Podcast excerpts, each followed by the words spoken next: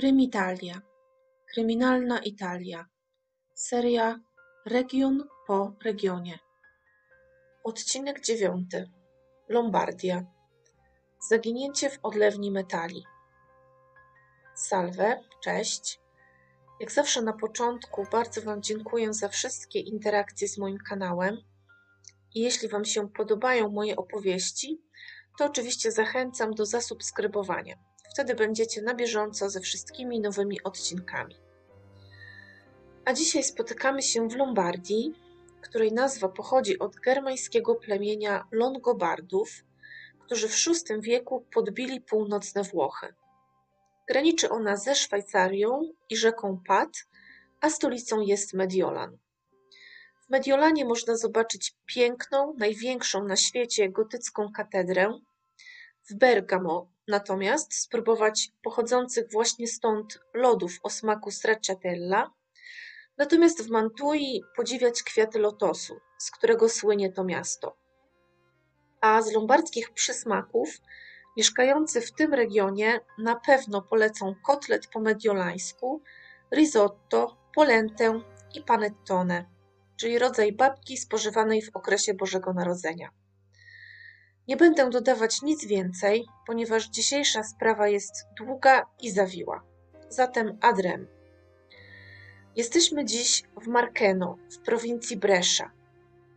Jest to niewielka miejscowość licząca sobie nieco ponad 4000 mieszkańców. Jest 8 października 2015 roku. Mario Bozzoli ma 51 lat i pracuje w branży metalurgicznej. Jest współwłaścicielem odlewni metali. Mieszka z żoną Irene i synami Giuseppe i Claudio w domu nad jeziorem Garda. Krótko po godzinie 19.15, jeszcze będąc w pracy, rozmawia przez telefon ze swoją żoną, której mówi, że trochę się spóźni, ale zaraz wychodzi i jedzie do domu, tylko jeszcze musi wziąć prysznic, no i oczywiście przebrać się z roboczych ubrań. Następnie żegna się z trzema swoimi pracownikami, którzy są razem z nim w pomieszczeniu i mówi im, że idzie przebrać się z roboczych ubrań. Jednak nigdy nie dociera on do osobnego pomieszczenia, takiego rodzaju szatni, w której robotnicy zwyczajowo zmieniali ubrania. Znajdowało się ono w innej części budynku niż sektor produkcyjny, w którym Mario przebywał razem z pracownikami. Po prostu tak jakby po drodze rozpłynął się w powietrzu. Również kamery monitoringu zainstalowane w budynku firmy nie uchwyciły wtedy niczego szczególnego czy odbiegającego od normy. Auto Maria cały czas stoi zaparkowane na dziedzińcu, ale jego nigdzie nie ma. 24 godziny od momentu, w którym ktokolwiek widział mężczyznę po raz ostatni, Informacja o jego zaginięciu zostaje podana do wiadomości publicznej. I późnym popołudniem 9 października policja zaczyna poszukiwania. Krótko po tym, jak mężczyzna ostatni raz zadzwonił do żony, czyli 8 października o 19.15, jego telefon został wyłączony. Przeróżne służby, takie jak karabinierzy, strażacy, Korpus Leśnictwa Państwowego, ratownictwo górskie i obrona cywilna skrupulatnie przeczesują teren wokół fabryki. Są to naprawdę poszukiwania zakrojone na bardzo dużą skalę. Odlewnia metali, należąca do rodziny zaginionego przedsiębiorcy, znajduje się w pobliżu rzeki Mella, która również zostaje dokładnie sprawdzona, jednak bez żadnego rezultatu. Psy tropiące, które też zostały sprowadzone na miejsce, łapią co prawda jakiś zapach w kierunku północnym od siedziby firmy, jednak szybko gubią trop. Na miejsce przyjeżdżają również funkcjonariusze włoskiego oddziału badań naukowych, będącego częścią korpusu karabinierów. Okazuje się, że ubrania mężczyzny znajdują się na wieszaku w szatni w tym pomieszczeniu, o którym wcześniej była mowa, w którym pracownicy przebierali się po skończonej zmianie. Natomiast w szafce są również jego kluczyki do auta. żona Maria, Irene i jego brat Adelio składają zeznania. Wydaje się, że firma nie miała żadnych problemów finansowych, wręcz przeciwnie, ponieważ nawet się rozrastała, zajmując okoliczne tereny. Adwokaci zatrudnieni przez rodzinę Maria składają wniosek o natychmiastowe wyłączenie pieców hutniczych i zajęcie odlewni oraz całkowite wstrzymanie produkcji. Rodzinie bowiem, co oczywiste, zależy na bardzo dokładnym sprawdzeniu każdego najmniejszego śladu w celu ustalenia, co stało się z Mariem Bozzoli. 11 października huta stali należąca do rodziny, konkretnie do Maria właśnie oraz do jego brata Adelia o nazwie Bozzoli spółka z ograniczoną odpowiedzialnością, a także jej okolice zostają przeszukane dosłownie metr po metrze. Funkcjonariusze sprawdzają wszystkie włazy, dachy, maszyny, podstacje elektryczne. Przeszukują centymetr po centymetrze również piece, w których przetapia się różne materiały metalowe. Karabinierzy przy pomocy pracowników firmy z użyciem buldożerów i innych sprzętów firmowych przerzucają stosy surowców, opróżniają szamba. Z domu mężczyzny zabrano kilka należących do niego rzeczy, aby mogły powąchać je psy i złapać jakiś trop, tak jak mówiłam wcześniej. Oprócz tego, oczywiście, mężczyzna jest też poszukiwany w okolicach siedziby firmy. Na obrzeżach miasta są łąki, pola i lasy, które zostają bardzo dokładnie sprawdzone. W akcji tej bierze udział ponad 60 osób, a teren, jaki w sumie sprawdzono, liczy 290 hektarów. Poszukiwania prowadzono w promieniu ponad 10 kilometrów, aż do okolic miejscowości Lodrino, w której rodzina Bozzoli posiada swój letni dom. Tak więc widać nawet po tych liczbach, jak ogromne były to poszukiwania. 12 października prokurator wydaje oświadczenie, że w przypadku tego zaginięcia na pewno nie chodzi o dobrowolne oddalenie się czy zniknięcie z własnej woli, ale raczej mamy tu do czynienia z przestępstwem, takim jak porwanie czy przetrzymywanie zaginionego wbrew jego woli. Z każdą kolejną godziną rosną również podejrzenia odnośnie do możliwości popełnienia morderstwa. Pojawia się bowiem hipoteza, że przedsiębiorca mógł zostać spalony w jednym z pieców do przetapiania sztabek mosiądzu.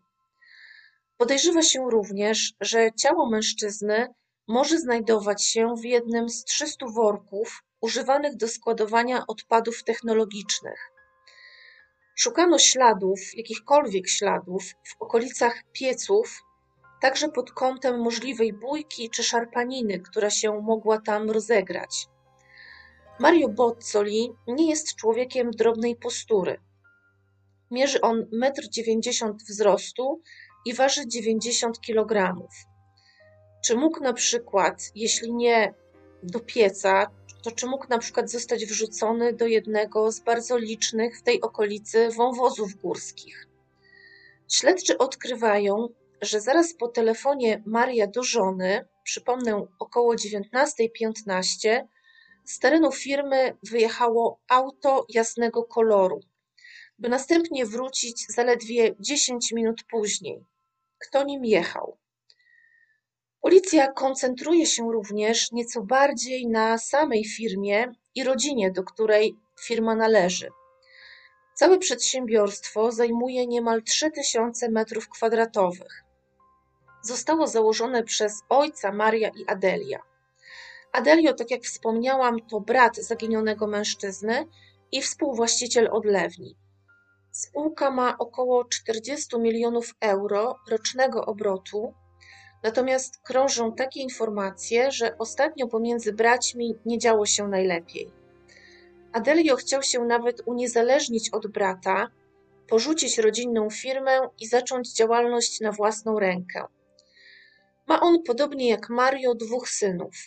Giacomo nie mieszka już w Markeno, natomiast Alex pracuje w odlewni i mieszka na terenie firmy ze swoją partnerką.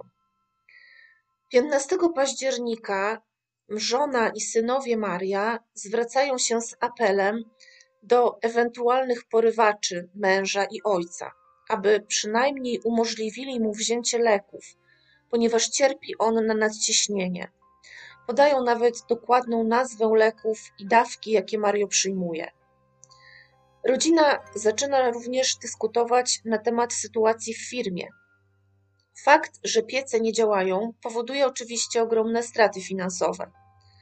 Adelio zaczyna nawet rozważać wniosek o ponowne przywrócenie pieców do pracy. Zajęcie pieców, tak jak powiedziałam, zostało zlecone przez żonę i synów Maria, którym bardzo zależało na tym, aby ewentualne ślady, e, czy to biologiczne, czy jakieś inne, nie zostały zatarte lub całkiem stracone. Adelio oraz jego synowie, jak dotąd, nie zatrudnili dla siebie adwokatów. Jednak zaczynają rozważać taką konieczność, między innymi po to, aby uzyskać uchylenie postanowienia o wyłączeniu pieców. Jak twierdzą, nie chcą utrudniać śledztwa, ale temperatura w piecach musi być utrzymywana na odpowiednim poziomie, żeby po prostu nie blokować produkcji, a co za tym idzie, nie tracić ogromnych pieniędzy. Funkcjonariusze jednak nie są przychylni tej prośbie ze względu na to, że nie wszystkie piece zostały już zbadane. Nie odnaleziono natomiast na pewno żadnych śladów krwi w okolicach szatni, do której udawał się Mario Bozzoli w wieczór zaginięcia. Nieco wcześniej policja dotarła do nagrań z monitoringu, na których jakiś mężczyzna wynosi z biura Maria jakieś dokumenty. Okazuje się, że jest tym mężczyzną Alex, bratanek Maria, syn Adelia. On sam zresztą zgłosił ten fakt z wyjaśnieniem, że chciał po prostu pozbyć się starych gazet z biura. Tymczasem funkcjonariusze kończą definitywnie poszukiwania w terenie. Teraz koncentrują się przede wszystkim na fabryce i jej wnętrzu. 16 października okazuje się, że zaginęła kolejna osoba związana z firmą Bozzoli.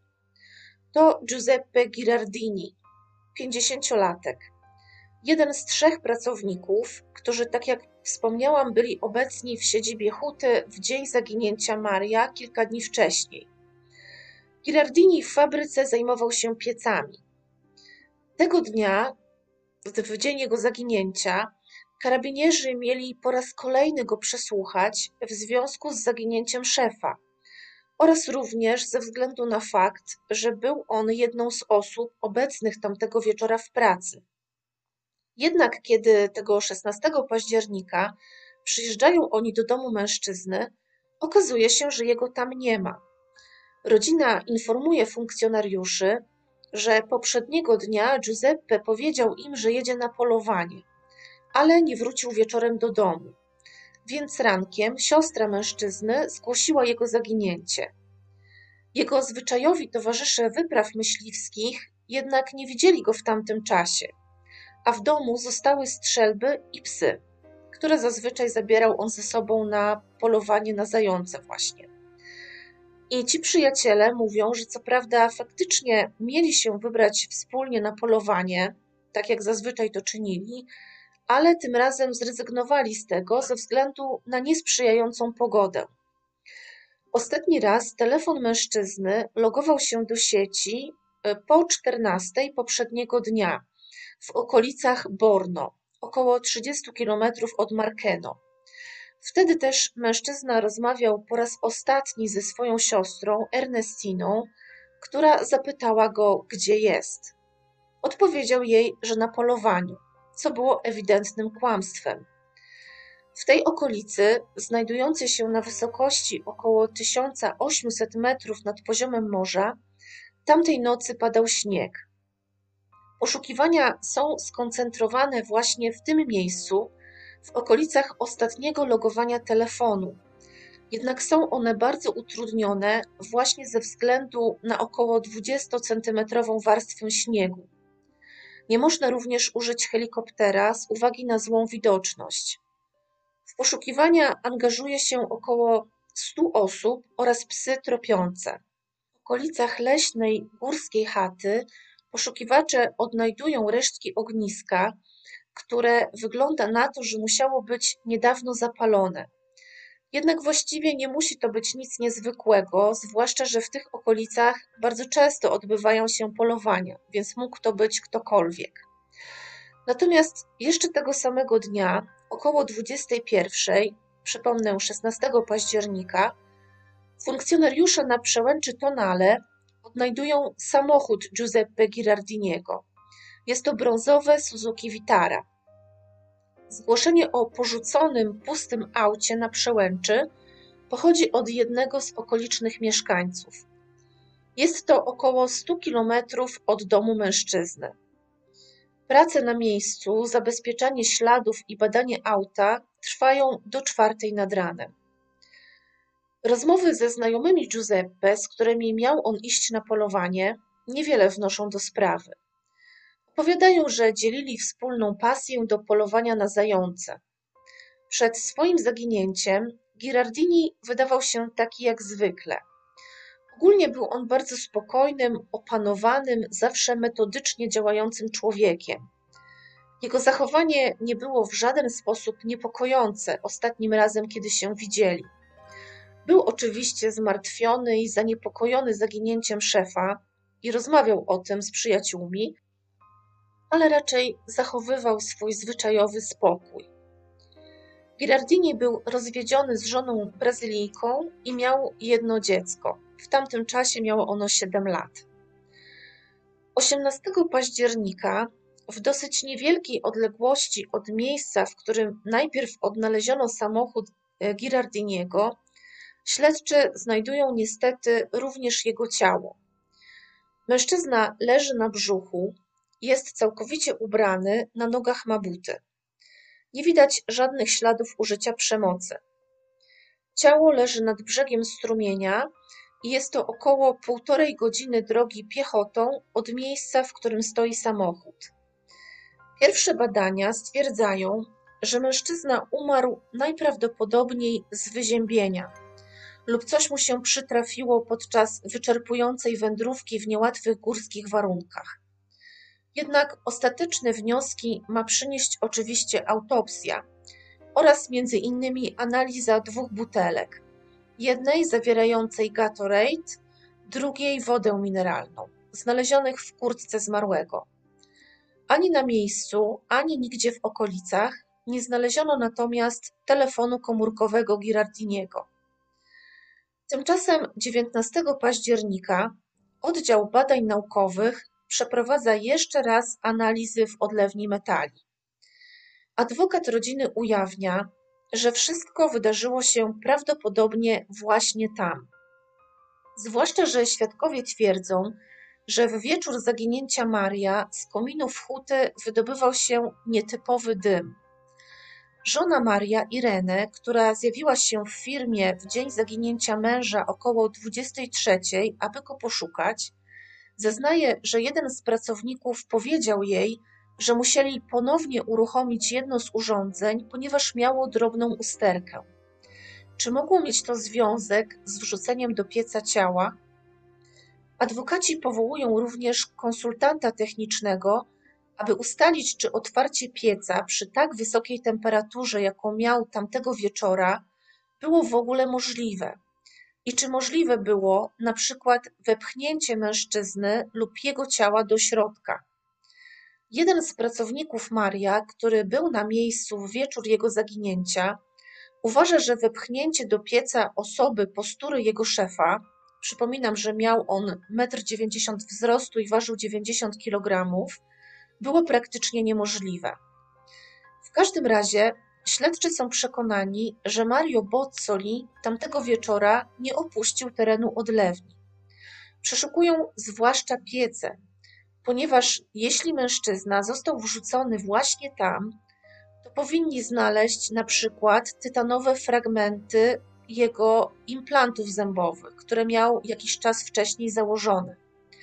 Z zeznań żony Irene wynika, że Mario w ostatnim czasie żył w ciągłym strachu. Bał się o siebie i o swoich synów, Klaudia i Giuseppe. Uważał, że stał się ofiarą mobbingu w firmie, zamierzał nawet złożyć oficjalne zawiadomienie w tej sprawie, jednak nie zdążył tego zrobić. Firma jakby dosłownie pochłonęła go w jeden feralny wieczór. Irene zeznaje, że pomiędzy Mariem a rodziną brata, Adelia, sytuacja była ogromnie napięta. Chodziło przede wszystkim o różnice pokoleniowe i rozbieżne wizje prowadzenia interesu. Irene opowiada, że tamtego wieczora mieli w planach wspólną kolację w domu nad jeziorem Garda, to znaczy ona z mężem. Kiedy po telefonie o 19.15 Mario nie zjawił się w domu i nie dał żadnego znaku życia, mimo że dzwonił do żony bardzo często, no to Irene już wiedziała, że musiało stać się coś złego. Kiedy próbowała do niego dzwonić, okazało się, że telefon jest wyłączony. Irene uważa, że brat męża Adelio stosował w stosunku do niego mobbing. Zmuszał innych pracowników, aby nie rozmawiali z Mariem. Boccoli podobno nie mówił o tym dużo, przeżywał wszystko raczej po cichu, wewnętrznie. Wspominał jedynie żonie o tym, że planuje zgłosić sprawę na policję, ale nie podawał żadnych konkretów. Konflikt, według Irene, kwitł również z bratankami. Aleksem i Giacomo, którzy otworzyli swoją własną odlewnię w Bedizzole, oczywiście z pomocą swojego ojca Adelia. Bratankowie oskarżali wujka o podżeganie pracowników przeciwko nim. W grę wchodziły również jakieś kwestie finansowe czy kłótnie o nieopłacone pensje. Irene opisuje Maria jako człowieka pracowitego, bardzo uczciwego, który dbał o swoich pracowników, z każdym zawsze zamienił słowo, był również bardzo dobrym ojcem i mężem. Natomiast Adelio Bozzoli, brat Maria, twierdzi, że owszem, występowały pomiędzy nimi różnice zdań, ale pracuje razem z bratem od niemal 40 lat i ledwie 10 dni przed jego zaginięciem zdecydowali, że nadal będą trzymać się razem, żeby zażegnać kryzysy w firmie. Jak twierdzi, na pewno nie ma mowy, aby obaj z bratem się nienawidzili. Nie ma tym bardziej mowy o żadnym mobbingu, o który otwarcie oskarżyła go żona brata Irene. Nowa odlewnia, którą postanowił założyć razem z synami w Bedizzole, nie będzie absolutnie żadną konkurencją dla wspólnej firmy z bratem. Adelio jest również świadom tego, że w wieczór zaginięcia Maria z kominów odlewni wydobywał się nietypowy dym, ponieważ powiedział mu o tym jeden z obecnych wtedy na miejscu pracowników, ale nie jest w stanie uwierzyć, że brat został spalony w jednym z tych pieców. Na samą myśl o tym przechodzą go dreszcze. Przysięga, że zarówno on, jak i jego synowie nie mają absolutnie nic wspólnego ze zniknięciem Maria. Mniej więcej w tym czasie siostra Maria i Adelia Vittoria Bozzoli udziela wywiadu dla wiadomości telewizyjnych na kanale Tele Lombardia. Zapytana o to, czy faktycznie między braćmi sytuacja była aż tak zła i napięta, jak twierdzi Irene, odpowiada, że nie ma na ten temat żadnej wiedzy. Nie bywała w firmie na co dzień, w przeciwieństwie do żony brata, która też tam z nimi pracowała. Kocha obu braci i do obu ma zaufanie. Na pewno były między nimi sprzeczki i kłótnie, jak to w rodzinie, ale nic bardzo poważnego. Nie wie także absolutnie nic o złych stosunkach rzekomo panujących pomiędzy Mariem a ich bratankiem Aleksem. Adelio opowiada również co nieco o relacjach z Giuseppe Girardinim. Mężczyzna pracował z nimi od 10 lat i podobno bardzo dobrze dogadywał się z Mariem. Byli nawet na ty. Brat Maria jest również zdziwiony faktem, że Giuseppe, jeśli chciał wybrać się na wycieczkę, pojechał tak daleko od domu. Przypomnę, że jego ciało zostało znalezione w odległości aż 100 kilometrów od miejsca zamieszkania. Dlaczego nie pospacerował po prostu po okolicznych lasach i górach, których tutaj nie brakuje? Pojawiają się oczywiście podejrzenia, że Girardini zniknął, ponieważ miał coś na sumieniu. Może to właśnie on zrobił krzywdę swojemu szefowi. Barista z Vezzadollio miejscowości położonej około 60 km od Markeno, zeznaje, że widział Girardiniego w barze już we wtorek wieczorem, czyli 15 października. Przed budynkiem zaparkowany był jego samochód, brązowy Suzuki Vitara. Natomiast według rodziny Girardiniego na pewno we wtorek wieczorem nie był on w tamtym barze. Siostry zeznają, że miał jechać na polowanie w środę, ale zrezygnował z powodu złej pogody i po prostu pojechał pospacerować po terenach, które dobrze znał. Nic więcej, nic mniej. I na pewno było to w środę. Jeden z przyjaciół Giuseppe, Giuseppe Girardiniego twierdzi, że w niedzielę na polowaniu był on pochmurny i nie miał zbyt dobrego nastroju. Powiedział mu nawet, że to jego ostatnie polowanie, ale nie wyjawił więcej szczegółów. Autopsja Girardiniego nie przynosi na razie jednoznacznych odpowiedzi. Mężczyzna mógł umrzeć na zawał serca, ale śledczy czekają jeszcze na wyniki badań toksykologicznych. Eks-żona Giuseppe, Antonia, która jest, przypominam, Brazylijką, zeznaje, że mężczyzna telefonował do niej do Brazylii 8 czy 9 razy na WhatsAppie na dzień przed swoim zaginięciem.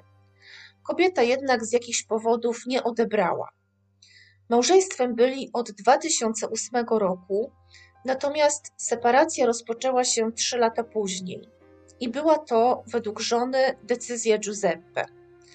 Mają siedmioletniego syna, z którym Girardini planował zobaczyć się w Boże Narodzenie. Kobieta jest gotowa na całkowitą współpracę z policją, aby wyjaśnić okoliczności śmierci ojca swojego dziecka. Potwierdza, że przyleci w tym celu do Włoch. Girardini posiadał de facto dwa telefony komórkowe. Jeden z nich znaleziono w jego domu. Natomiast ten, z którego rozmawiał z siostrą w środę po 14, czyli w dzień swojego zaginięcia, oraz z którego próbował telefonować do żony dzień przed, również zniknął i nie został odnaleziony. Po tym jak Antonia, eks-żona Girardiniego, nie odebrała jego telefonów, wysłała mu kilka wiadomości tekstowych na WhatsAppie. Jak pamiętacie, od około 14.30 telefon mężczyzny był już wyłączony. Jednak śledczy odkrywają, że te wiadomości od Antonii zostały odebrane i przeczytane w środę wieczorem. Może to oznaczać, że albo Girardini jeszcze wtedy żył, albo też to, że ktoś inny miał jego telefon i przeczytał te wiadomości. Adelio, brat Maria, zeznaje, że 8 października opuścił firmę około godziny 18. Przypomnę, że jest to dzień zaginięcia jego brata. Giacomo, młodszy z jego synów, wyszedł w okolicach 19.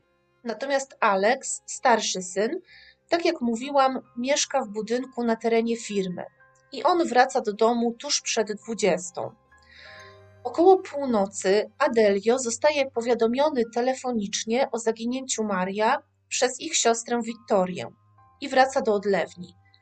Na miejscu są już Wittoria, Irene i dwaj synowie Maria. Adelio około pierwszej w nocy powiadamia karabinierów. Dwóch pracowników, którzy byli obecni w odlewni tego wieczora, Oscar Maggi i Senegalczyk Akwase Aboagie, zostają na miejscu aż do 6 rano. Tego dnia Giuseppe Girardini kończy swoją zmianę o 23. Śledczy przesłuchują również intensywnie wszystkich pracowników odlewni, a zwłaszcza tych, którzy byli obecni w firmie w wieczór zaginięcia Maria. Chcą przede wszystkim potwierdzić informacje, według których pomiędzy Mariem a jego bratem Adeliem oraz bratankami Aleksem i Giacomo były poważne problemy i że dochodziło tam wręcz do mobbingu ze strony krewnych mężczyzny. Założenie cały czas jest takie, że Mario Bozzoli nigdy nie opuścił siedziby firmy Żywy. Został prawdopodobnie wepchnięty do jednego z pieców, w którym była ogromna temperatura. Tego wieczora, jak pamiętacie, z kominów wydobywał się nietypowy dym i potrzebne było nawet zrestartowanie całej aparatury. Mimo tego założenia, że Mario zginął w odlewni, śledczy przeszukali też, tak jak Wam wspomniałam, bardzo dokładnie rzekę Mellę, która płynęła niedaleko budynków firmy, jednak nadal bez rezultatu. Eksperci powołani przez prokuraturę cały czas badają odlewnię i piece pod kątem możliwych śladów dokonania przestępstwa. Adwokatka żony i synów Maria wycofuje się w międzyczasie ze współpracy z nimi, ponieważ uważa, że za dużo informacji przeniknęło do mediów i że może to zaszkodzić dobru śledztwa. Nadchodzi 13 listopada i śledczy otrzymują wyniki badań toksykologicznych próbek pobranych z ciała Giuseppe Girardiniego. Są one niespodziewane i dość szokujące. Okazuje się, że mężczyzna stracił życie w wyniku połknięcia przynęty na dzikie zwierzęta wypełnionej cyjankiem. Kapsułka miała długość 4 cm i szerokość 2 cm. Była więc całkiem sporych rozmiarów i raczej ciężko uznać, że mężczyzna połknął ją z własnej woli. W jego tchawicy znaleziono również ślady ceglastego proszku, który wyglądał jak talk i mógł służyć do tego, aby ułatwić przełknięcie trucizny. Była żona mężczyzny, Antonia, jednak absolutnie nie wierzy w to, że zrobił on to z własnej woli. Ostatnie rozmowy pomiędzy nimi były pogodne, bardzo spokojne. Giuseppe ogromnie cieszył się na spotkanie z synem w okresie świątecznym. Również siostry Girardiniego nie wierzą w to, że ich brat mógł dobrowolnie odebrać sobie życie. Wszystkie znaki wskazują jednak na samobójstwo. W środę rano, około 5.30, mężczyzna dzwonił do swoich przyjaciół, aby umówić się na zwyczajowe polowanie. Jednak wszystkie sprzęty z tym związane, takie jak strzelba, pasy z nabojami, zostawia na stole w domu. Okłamuje siostrę, że jedzie na polowanie. Wsiada w samochód i przejeżdża około 120 kilometrów. Na przełęczy Tonale zostawia samochód, dalej idzie około 4 kilometrów na pieszo w śniegu, wspina się na wysokość około 1800 metrów i tam 18 października służby odnajdują jego ciało. Na miejscu, oprócz butelek z wodą i Gatorade, o których już wiecie, Policja znalazła również ułożone jedna obok drugiej cztery chusteczki higieniczne oraz paczkę papierosów. Jak wynika z badań, Girardini był jedyną osobą, która paliła papierosy z tej paczki. Natomiast prześwietlenie chusteczek promieniami ultrafioletowymi nic nie przynosi. A zrobiono to, ponieważ śledczym wydało się dość dziwne takie dokładne ułożenie tych chusteczek jakby to była na przykład jakaś zaszyfrowana wiadomość. W połowie listopada policja dociera również do nagrań z kamer monitoringu zainstalowanych na budynku firmy sąsiadującej z odlewnią Bozzoli. Wynika z nich, że 8 października pomiędzy godziną 19.14 a 26 w okolicach Ronda, niedaleko, niedaleko obu firm, Przejechał około pięć razy biały Fiat Punto. Już wspominałam o tym jasnym samochodzie, który został nagrany również przez kamerę monitoringu y, z odlewni. Przypomnę, że o 19.15 Mario dzwonił do Irene, aby uprzedzić ją, że zaraz będzie w domu. Później okaże się, że ten biały Fiat Punto było to auto Giacomo, bratanka Maria. Był on również widziany na monitoringu, jak wchodził do jednego z pomieszczeń służących do przebierania się i później wychodził z niego z jakąś kasetką w ręce i wsiadł sam do samochodu. Drugim autem jest jasnoniebieska terenówka o napędzie elektrycznym, która wyjeżdża z drogi prowadzącej do odlewni, następnie zatrzymuje się na około minutę i 15 sekund przy placu obok kontenera na śmieci i wraca z powrotem w kierunku firmy. Natomiast z tego, co mi wiadomo, nie ustalono, do kogo należał ten samochód i mógł to być na przykład po prostu samochód firmowy którejś z tych firm znajdujących się w okolicach. Sprawdzono również wszystkie nagrania z kamer znajdujących się na terenie odlewni, oprócz jednej z nich, która od pewnego czasu nie działała. Natomiast wszystkie kamery zwrócone były na strefę załadunku i wyładunku oraz strefę składowania materiałów, a nie na część produkcyjną. Także, czy tak, czy siak, nic znaczącego te kamery by nie zarejestrowały. Kobieta, która mieszka w sąsiedztwie odlewni, zeznaje również, że zeszłego lata nad brzegiem rzeki Melli, która, jak pamiętacie, płynie tuż koło siedziby firmy, zauważyła takie dziwne światła, jakby latarek, które zdawały się oświetlać tylne wejście do odlewni. Zgłosiła to Mariowi, a ten złożył zawiadomienie o tym na posterunku karabinierów, jednak tego incydentu nigdy nie wyjaśniono. Kto to mógł być i po co oświetlał właśnie to tylne wejście? 24 listopada odbywa się pogrzeb Girardiniego. Wśród żałobników są oczywiście jego siostry, rodzina, przyjaciele i znajomi, kilku pracowników odlewni, natomiast nie pojawia się nikt z rodziny Bozzoli. Poszukiwania w odlewni trwają dalej. Dwa dni później śledczy dochodzą do kolejnego wniosku w związku ze śmiercią Giuseppe. Otóż okazuje się, że kapsułka, którą wydobyto z jego żołądka, nie spowodowała jego śmierci, ponieważ po prostu nie otworzyła się i trucizna nie mogła wypłynąć na zewnątrz. Funkcjonariusze na miejscu znalezienia ciała odkrywają natomiast pozostałości jeszcze innej fiolki. I to prowadzi ich do konkluzji, że po tym jak Girardini połknął pierwszą kapsułkę i nic się nie wydarzyło, zażył kolejną porcję trucizny z tej drugiej fiolki. Ex-żona i rodzina nadal nie wierzą w samobójstwo. Śledztwo jest natomiast prowadzone w kierunku podżegania do samobójstwa. Od połowy grudnia, jeśli chodzi o sprawę Maria, uwaga śledczych koncentruje się przede wszystkim na czterech osobach. Są to bratankowie mężczyzny, Giacomo i Alex Bozzoli oraz robotnicy Oscar Maggi i Senegalczyk Akwase Aboagie, którzy byli obecni, przypomnę, w firmie 8 października wieczorem. Wszyscy czterej nie są na razie o nic oskarżani, a jedynie przesłuchiwani w związku z możliwością popełnienia morderstwa pierwszego stopnia, czyli z premedytacją i pozbycia się zwłok. Zostają również przeszukane domy całej czwórki. W 2020 roku zostaje ujawniona informacja, że w dzień odnalezienia ciała Girardiniego, czyli 18 października 2015 roku, śledczy w jego domu znaleźli całkiem sporą sumę pieniędzy, a mianowicie ponad 4000 euro. Były one w szufladzie w sypialni mężczyzny.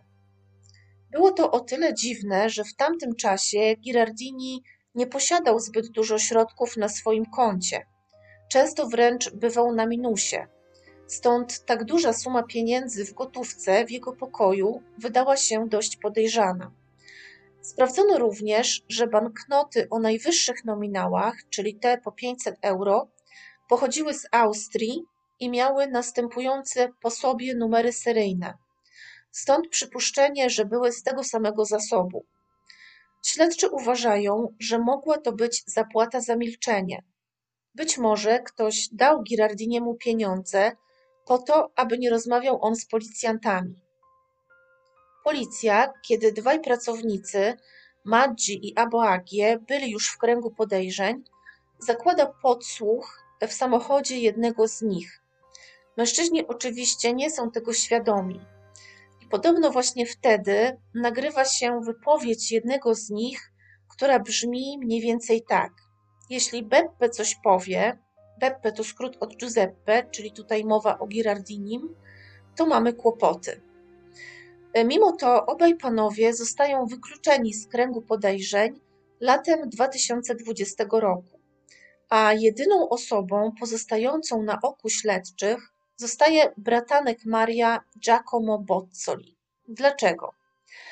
Na pewno znaczenie dla tego faktu mają zeznania jeszcze z 2015 roku złożone przez ex-dziewczynę Giacomo, Jessikę, według których chłopak nienawidził swojego wuja do tego stopnia, że było to wręcz niewyobrażalne i nie do opisania.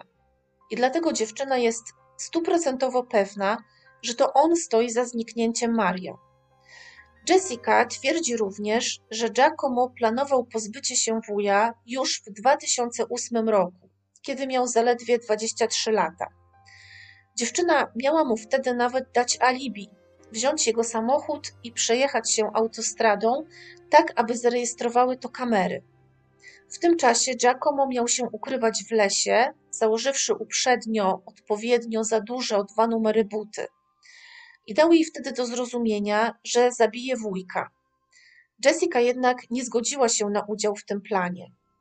Zeznaje również, że Giacomo był agresywnym człowiekiem o bardzo powierzchownej osobowości, że ciągle obrażał kuzynów i ciotkę, a najbardziej, tak jak powiedziała już wcześniej, nienawidził wuja Maria.